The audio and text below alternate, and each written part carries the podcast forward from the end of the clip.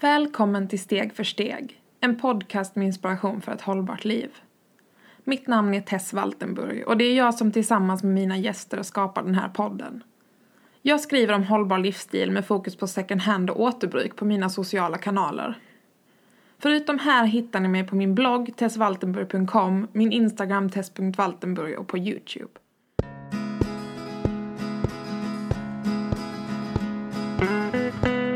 I dagens avsnitt träffar vi Rowan som har grundat Gram, Sveriges första förpackningsfria butik, för att prata om allt från avfallsminimering till hållbart entreprenörskap.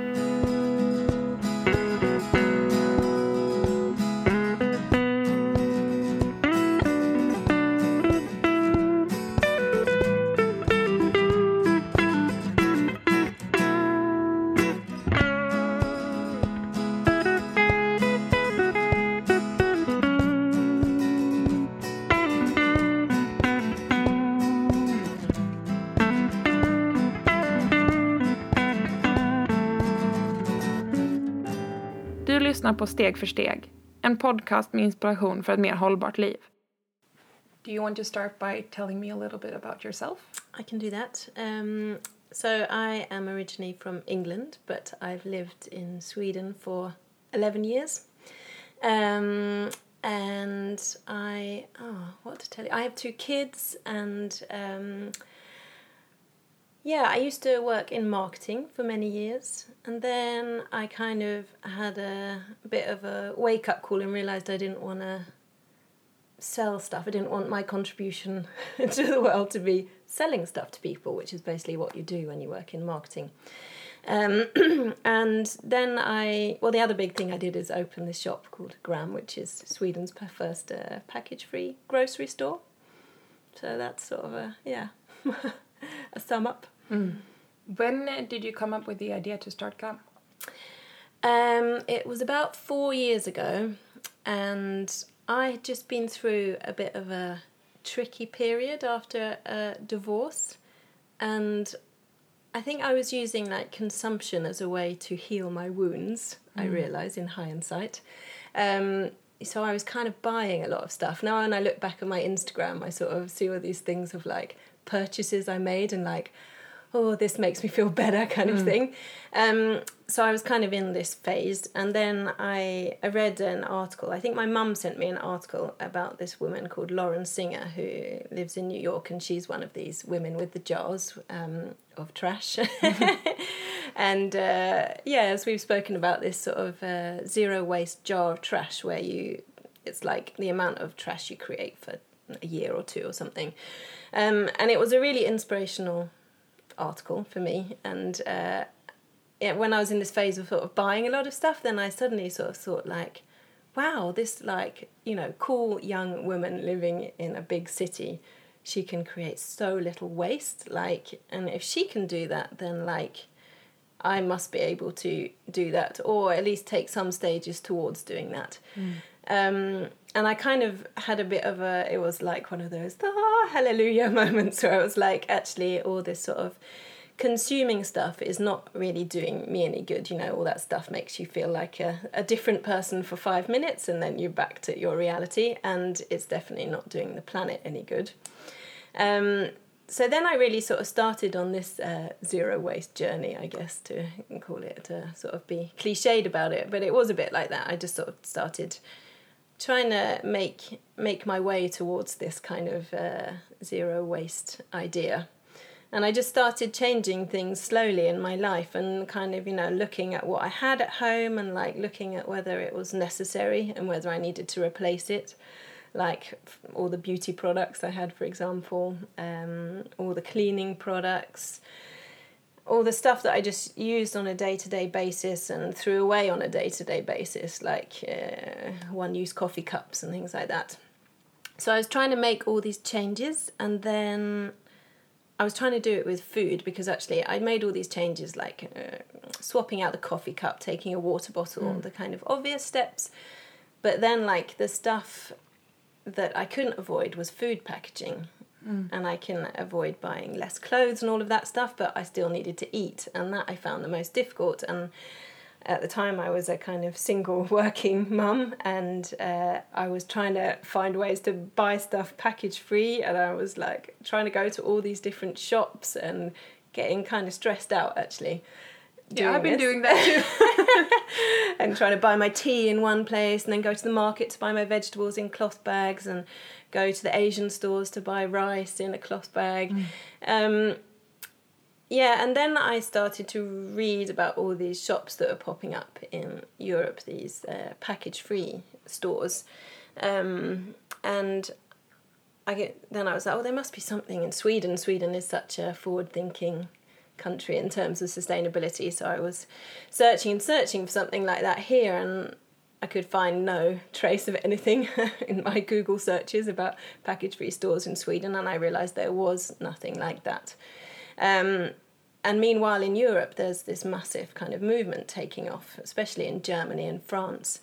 Um, and I went to Berlin and visited a store called Original Unverpackt and uh, another store in Kiel in north of Germany, and yeah, got really inspired. And it was kind of a culmination of all these things came together at once, like um, yeah, feeling a little bit disillusioned with my job as a for selling people stuff. Mm getting interested in sustainability, going through a divorce, and feeling like I needed to get my feet back on the ground. And uh, all of these things suddenly came together, and I was like, right, I'm going to open the first package free store in Sweden. Mm. so cool. so, how long has it been open now? It'll be, it's nearly three years. Mm. Yeah. Do you have you experienced any changes in the landscape, like in the consumption, since you started? Um, we started really small, so we started at the Saluhall in Malmö, mm. and we were there for like seven months, and that was a really small store. And then I realised it wasn't quite right for it wasn't the right fit for us there, so we moved to our current location in St Knut, and that was like in Malmö. And it, it's or it's been much better since we've been there. We felt like we're in the right place, and it's easier for people to get to us. Um, and it's slowly going up the kind of success of Gram, but much too slowly for my liking. Mm. Um, and in general, not just in Gram in our store, but in in zero waste in general in Sweden, it's going up slowly, slowly. But there's still, I mean, since we've opened, one more store in Västerås has opened, and um, a package free delivery service has opened in Stockholm, mm. both of I've which I've helped yeah. to open. But for example, in England, where I'm from, over the last two years, about 200 stores have opened.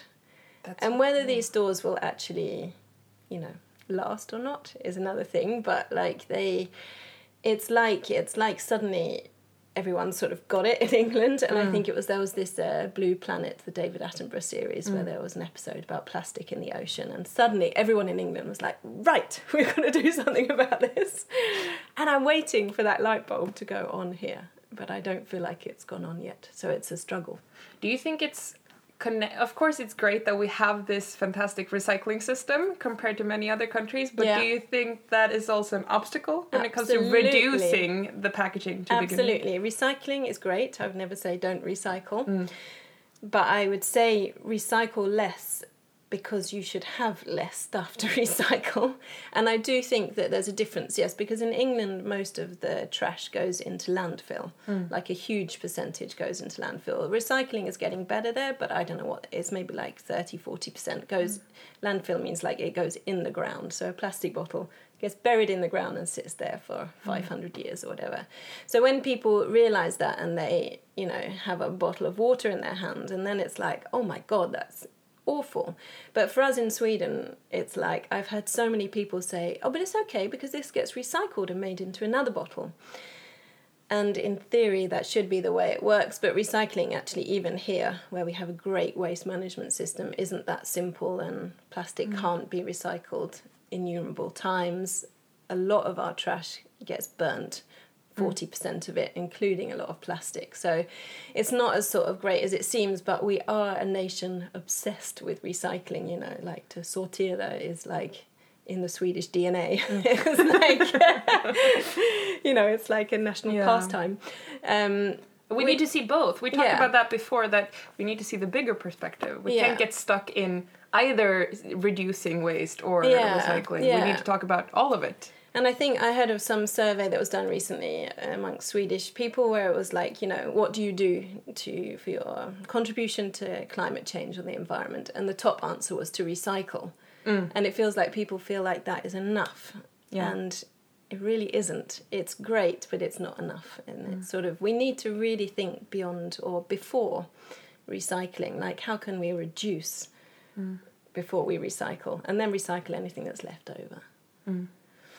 I actually thought about that because one of the reasons why I wanted to reduce my waste was because I thought it was such such a big job to take all of these Yeah. different bins out because Yeah, obviously yeah. I want to recycle but I realized oh now I need to take out all this plastic and all this cardboard and, Mm. And all these heavy glass bottles and it's exhausting so I was like I don't want to produce this waste do you think how do you think we can create that norm shift in general making people realize that it it can actually be less work to reduce waste Yeah, I think like it can come from an individual level, but like with most things, I think not everything can be put on the individual, like to make changes. Like it has to come from a sort of government policy level and individuals wanting to make the change. And like, for example, there's in Malmö, I know there's been a rollout now of um, recycling bins to houses. Um, and a friend of mine told me she'd just got hers, and she said the compartments are tiny which Yeah. is one such policy change that can make a difference because if your plastic compartment is tiny and every time that fills up you have to go to återvinning central or whatever you have to you know go and do your recycling yourself somewhere else then um, i think that makes you have a sort of shift okay i've got to i've got only this is what i've got to fill for a week or whatever so i've got to think about it more. So that's one example of how policy can just change the size of the recycling bin make it impossible for people to keep just filling it up. Um, and then kind of on a yeah i mean i just always think like individuals can only make good choices if there's good choices to make Mm. and so then it has to be on those policies it has to be on businesses to stop putting everything in packaging and making it so hard for us to reduce our mm. packaging. And it, then you know when you walk in a supermarket it's hard to make a good choice in terms of packaging which is a sort of frustration that made me want to open Gram because I felt like actually as a consumer I have no choice pretty much when I walk in the supermarket unless I want to really go out of my way. Then I it's and sit with anxiety when you come home when you buy that plastic wrapped uh, exactly yeah. carrot or yeah. something. Yeah. yeah. I know that uh, they've also shut a lot of, you know, sopnedkast. We used to have outside our door. You could Yes. just throw uh, throw the the disposable Yeah. uh, waste. Yeah. Um, and it, that gets burned. But when you actually have to go to the recycling room, Yeah. and you have the you have the bin where you can throw uh, everything in one Yeah. place, but you also have all of these recycling bins. Yeah, then you're still there. Then it's Yeah. not that complicated Yeah. to start sorting. Yeah, exactly. Yeah. Um, But I think it's interesting when we talk about. I, I end up in that discussion a lot since since I am talking about sustainable living. That do you- do you think it's an individual choice? But I think it's interesting to talk about the individual choice and businesses and policy since it's all connected and Yeah. since you know there needs to be a norm to make po- politicians take action. For yeah. example, Yeah, absolutely. um, what are your thoughts on that? Where's the responsibility, and how can we handle our responsibility as individuals without sitting with anxiety and feel like it's all on us? Yeah, I mean, yeah, it's really complicated and it's kind of like a, a bit of a, I don't know if it's a vicious circle or a good circle, but it, it has to be some sort of circle. So it has to be like individuals putting pressure mm. on businesses and on government by writing letters, by refusing to buy stuff that's packaged. But then, yeah, there has to be some comeback from the businesses and from policymakers. Definitely. So it has to be a yeah some sort of symbiosis between the mm. two, because no, us as individuals we do have a lot of power, but it has to be responded to. Mm. Otherwise, it will just sort of keep slipping back, mm. and as an individual, you'll just give up because it's too hard. and when we've all sort of got busy lives and busy jobs and kids or whatever you might have in your life, it's sort of it's hard to keep trying pushing and pushing and pushing and never seeing any change. Mm. Um, so there's got to be change in order for you to feel like, okay, it's working. I can keep on pushing and doing, making these positive changes. Mm. Mm. Yeah, it's definitely interesting. Do you think it's hard to live sustainably with, with kids and everything happening in life? Um, yeah, I think that um, I have two kids, and um, yeah, with them, they want all the stuff, for example, that most kids have, which often involves a lot of plastic. Mm. um, and with them, I'm not like hardcore. I'm not actually a hardcore zero waste person. I'm not a jar woman. I love the concept of jar woman. yeah. I love the jar women for giving me the inspiration. Mm. But I think that I can't be one. And I've sort of I tried to be one in the beginning and then I kind of I I sort of shifted my the, the emphasis I put on zero waste actually as I've sort of gone through this journey and I still very much try to cut down plastic in particular and packaging wherever I can. But um, now I sort of always now I've become more interested and more aware of and involved in um, sustainability sustainability issues in general. Mm. And I think that zero waste has it's been a brilliant thing to push me to be more aware of um, climate change in general and what's affecting that. So then I have to feel like there has to be a bigger picture. If there's kind of a a sustainable, locally produced product that's in plastic, what is the uh, what's the worst of the sort of things there is the plastic does the sort of local organic uh, sustainable aspects outweigh the plastic wrapper Mm. and uh, yeah just sort of making these better choices should i does it matter if i uh, have my reusables if i'm going on a long haul flight or should i be thinking Mm. about that long haul flight Yeah, definitely. first Yeah. because that has a much higher impact should i mean even in our model at gram we've sort of shifted a little bit in terms of how strict we are about the packaging that comes in Yeah. because the more I work with food, the more I research, the more I realize that uh, food waste, for example, has a much it has a huger climate climate impact than the plastic packaging. Of mm. course, there's uh, many different arguments about that. You know, the afterlife of plastic has a huge impact on nature. But if you take care of that packaging, if you avoid food waste, and if you pack a product properly, it can be a big pack, so you reduce packaging, but it must be mm. packaged properly. Mm. Because otherwise, somewhere along this supply chain, this journey that, for example, some rice takes to reach our store, Mm. it could be damaged and we lose 25 kilos of rice. I'd rather that 25 kilos arrives to us in minimal packaging, but keeps the food safe. So it's kind of always like looking at the bigger picture of all of these things and the sort of payoffs and the yeah. Mm. Mm. Yeah, and also I think it's really interesting what you said about you know if you're going on a long flight or something because Yeah. I feel I read a lot about minimalism and Yeah. zero waste. That was Mm. my starting point, but I realized along the way that there, there are some minimalists and some zero wasters that are really sustainable in general as well and think Mm. about many different aspects. But sometimes it also gets stuck in, like we talked about the jar. It's an important Yeah, symbol and yeah. it's important because it makes us think about that there is another way. Mm. But um, I've seen some YouTubers talking about that. Like if you put in a tag from H and M, Yeah, it still has an impact before Yeah. it ends up in your jar. Or Mm, if you have a digital plane ticket, it doesn't mean you don't produce waste Yeah. because you're taking the plane. Yeah, So, exactly. uh, yeah. And the same with food, since Mm.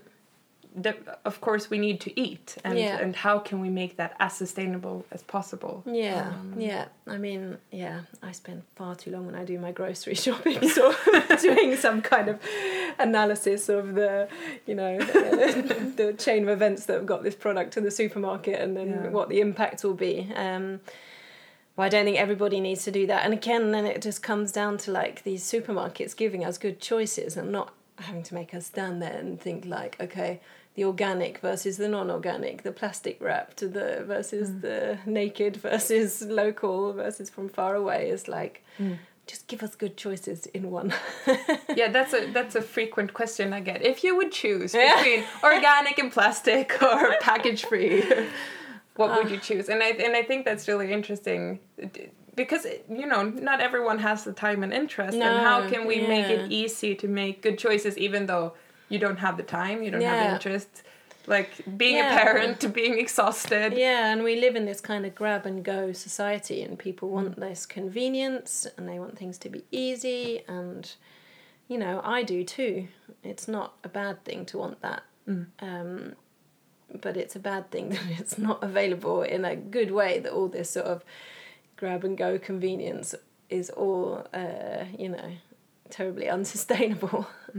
Mm. and i think in some some ways we need to question if it if it actually is convenient if it mm. actually like you know buying buying online for example. Okay you have to you can buy online. It takes it takes a small click but you need to earn that money. You need to mm. pick up the package in your post yeah. office. Maybe you need to return the stuff. Yeah. and it's like there are all of these things around it that we don't think about. Um, yeah, yeah. and actually question you know which choices are actually making our lives easier maybe th- those can be the last that we touch when we try to live sustainably Yeah, yeah. um, but do you have any good good like beginners uh, beginners advice for Mm. those who want to get started with zero waste Yeah, I mean, I always my two sort of like essentials in life: um, water and coffee. Coffee is something I'm questionable now with the sort of everything that's going on in Brazil. So maybe try to just get off coffee. But if you must drink coffee, but that's a lot because of meat consumption too so yeah, yeah. um, Um, so yeah, take a water bottle mm. and uh, take a reusable cup if you're gonna. If I know I'm gonna be out and about in town and I want, I love having takeaway coffee, but you know I don't like the packaging that comes with it, so I have a, a cup in my bag that I take. So those are two super simple things you can do that just like you know they and they cut out a lot of waste that you don't actually see in your home recycling because they're usually things that you throw away when you're outside of the house like a, a drinks bottle or a coffee cup. Um, and so they're sort of a little bit unseen. So they're, they're two things that are really good to kind of get rid of. And then if you want to take it a step further you can take like a takeaway lunchbox when you go and buy your salad i ask them to put them in my own box so i don't have this you know plastic box to throw away.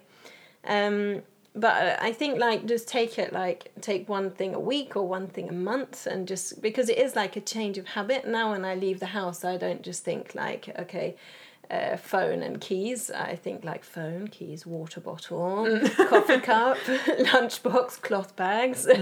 You know it's like but now I'm really into that routine and I you know it doesn't I don't really think about what I put in my bag anymore. It just goes in and then it's there. And um, so it's sort of changing these habits. So give yourself some time to change these habits.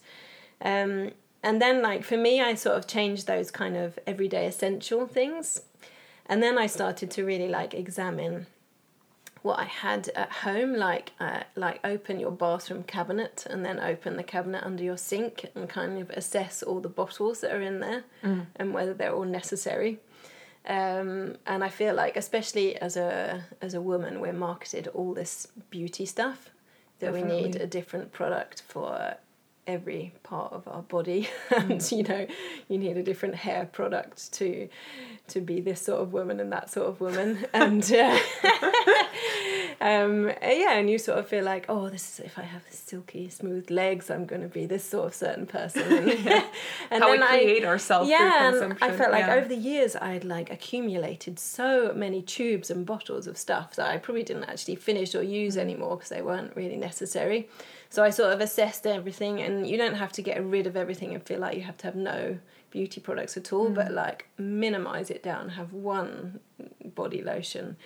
And then you can have a Um, great one. That's yeah, what I love too. It's like exactly, you know you buy with care and you buy stuff you really like. Yeah.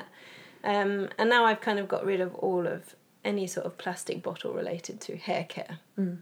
Which I felt like that's like that was like such a good feeling when I did that. I was like, oh my god, I have no plastic related to my hair. And before there would be shampoo bottle, conditioner bottle, some sort of aftercare product, some wax or whatever, you know, like four or five things Do Just you use shampoo hair. bars or? Yeah, I use a shampoo bar and a conditioner bar and uh, just some natural oil that Mm. comes in a glass bottle. They look so nice too. Those Yeah. bars. I use bicarbonate because that's the only thing that's worked so far yeah, for my hair. I've heard of lots of, and I've tried lots of the things like rye flour wash, and you Yeah. just got to try all these crazy things. And I've tried making a million different sorts of deodorant, and most of them have failed. And then I found one that I that I liked, and you know, just try out some things, and then find what works best for your body, because all of our bodies are different and Yeah. react in different ways to products. So. You know, like rye flour can work for some per- people and not for Yeah. others. So yeah, I know a lot of um, I my hair isn't very typical Scandinavian, Yeah. and I know a lot, of, a lot of people who use Aleppo soap, yeah, and yeah. for me that was a disaster Yeah. because my hair looked all greasy and I didn't get it clean. but I think that's that's an important point to try it out and try different products because I know a lot of people are like, no, I tried an organic deodorant, it didn't work. it didn't work, and you just think that, or I ate something vegan that didn't taste good. Yeah. No, now I'm never eating vegan Yeah, exactly. to understand that there are a lot of different sustainable products Yeah, as well. And, yeah. and Mm. um, I also think it's interesting what you said about the daily habits. Mm. That it may be hard when you start. You, you need to remember that water bottle. You need to Yeah. remember your coffee cup or Yeah. do something differently. Yeah. But that when you when you're into that habit, it becomes natural in some Mm, way. To you. yeah, yeah, Um, absolutely. Yeah. so I, I was also thinking about entrepreneurship because Mm. I feel like there is there are strong forces to make entrepreneurship more sustainable and Yeah. since entrepreneurs are usually innovators and you know you think about new ideas and Mm. yeah. how do you feel do you feel that it's easy to be a sustainable entrepreneur or do you feel like there are still a lot of challenges with legislation and uh, other obstacles Um, I feel like it's maybe a question about like entrepreneurship in general, and depending, of course, on where you are in the world. In Sweden, I found like as an entrepreneur, there was lots of like support, as in like cool places to go and sit, mm. places to go and talk to about tax advice, and places to get loans from as a small business and things like that. But then I feel like once you started up your business, it's just like, all right, now you're you're you're on your own, sink or swim or whatever. And like, I feel like there needs to be more support for entrepreneurs in general, but definitely for sort of sustainable and green entrepreneurs. There needs to be some like more incentives because like you know you have to like risk a lot as an entrepreneur you know i had to take loans that are on me to start Yeah. this business that like if we fail i've got a lot of money on my shoulders to pay back and uh, you know and i i had to i gave up a really well paid job you Mm. know which uh, some people just maybe wouldn't do because that's crazy but I was at a crazy point in my life, so I decided to do it. But, but and I don't regret it at all. But it is it's a lot of personal risk, and the majority of people might not take those risks if they're not at a crazy point in their life because there's not there's not enough sort of uh, like security blankets for us if we if we fail, and there's not.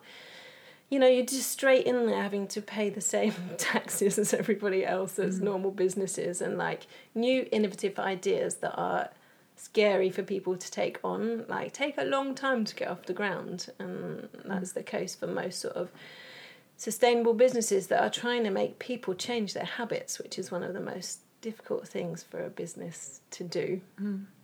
And like for Gram, for example, I feel like we're trying to change two two habits at once. So we're, we're trying to get people to go back to shop at small stores, which people are not used to doing. They're used to driving out to a big supermarket to do their shopping. Yeah. So we're trying to go back in time a little bit in that way. And then we're trying to get people to bring their own containers with them and fill them up.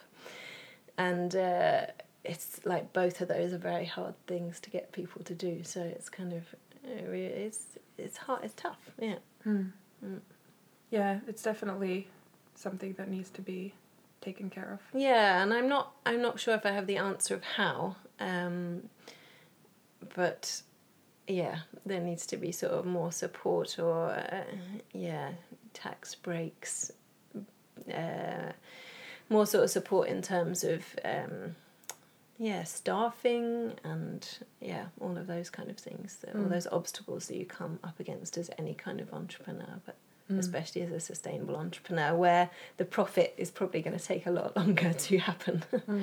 yeah. Yeah, I think that's a very important topic the the economics versus Yeah, sustainability yeah. because I feel that um, in a lot of cases it become becomes almost a shame to want to make money. And of course I understand that if you put profit before before the good you're doing or if you're greenwashing your business Mm, Yeah, uh, to yeah. look good.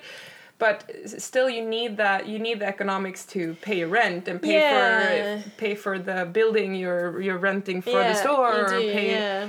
for those things. And I mean, economic sustainability is also important. If otherwise, maybe you need to work a full time job and run your business, and that's not sustainable for. No, and for that's what I've pretty much done the whole Yeah. time. I've carried on having my like job as a copywriter. Most of the time, I've been running Gram, which has been almost made me hit a wall really because it's Yeah. kind of you know I was running a shop full time, Yeah. working a fifty percent uh, job in a marketing agency, having two kids, and it's like. Yeah, it was too much. I've made some changes now so that mm. it's more manageable. But I sort of did two years of that, and it was it was a lot of work, and it was all my own choice. But I, you know, it's a mm. if we can't do these sustainable projects, then it's like, yeah, mm. we we need to be given the tools to be able to do th- those things. Yeah. Yeah, and I mean, society still looks the way it does. You know, we, Yeah, we still need that money to to have the time to do things. And I mean, for me, I kind of often like I've been asked often by like my accountant, for example, the other day, and uh, various kind of business advisors. What are your ambitions for Gram? And I usually say something like, I want Gram to be self-sustainable. yeah, I want it to pay people wages who work there. I want it to grow. I want it to sustain itself, pay its rent, um, develop whatever. I don't necessarily want it to make huge profit or make me a huge amount of money. I'm quite happy if I can go off and I want to actually go off and do other things and uh, you know, uh, pay my rent by doing other things and other projects, but I want Gram to be self sustainable. And they always look at me in absolute horror like, what is the point of that? and these are usually quite traditional business people Yeah. looking at me like this, like, why? And it's mm. like, because it's like, this is an important project and I want it to just work and I want it to be so the people work there can pay their bills. Mm. Um, it doesn't quite do that at the moment. We have a lot of amazing volunteers who help us at the mm. shop, but I'd like to be able to pay a couple of people to work there to really sort of run it. Um, but yeah, this doesn't really fit into a traditional sort of business sense, and I don't care actually. I don't want it to. I want there to be there needs to be new models of doing things that aren't about massive profit, that aren't about always kind of. Uh, acceleration and bigger and when's your next store going to open when are you going to be a franchise when are you going to take over sweden or the Yeah. world like actually i don't want to Yeah. i'm quite happy if i have changed this thing and i have this store which really works well yeah, um, and i inspire other people like it doesn't have to always be about economic huge economic growth and i think part of our problem is about Yeah. is that we our whole society is based on huge economic growth Mm. and we need to have a sort of a shift in how we think about these sort of Mm. yeah sustainable economics basically yeah.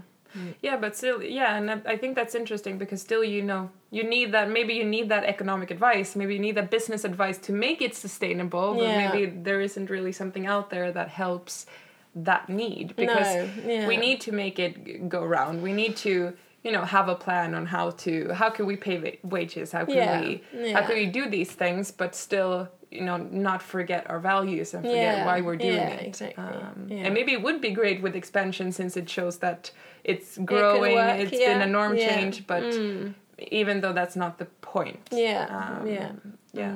I feel like we could talk for oh hours, my god but I think we need to round up. yeah Thank you so much for joining the podcast. thank you for having me yeah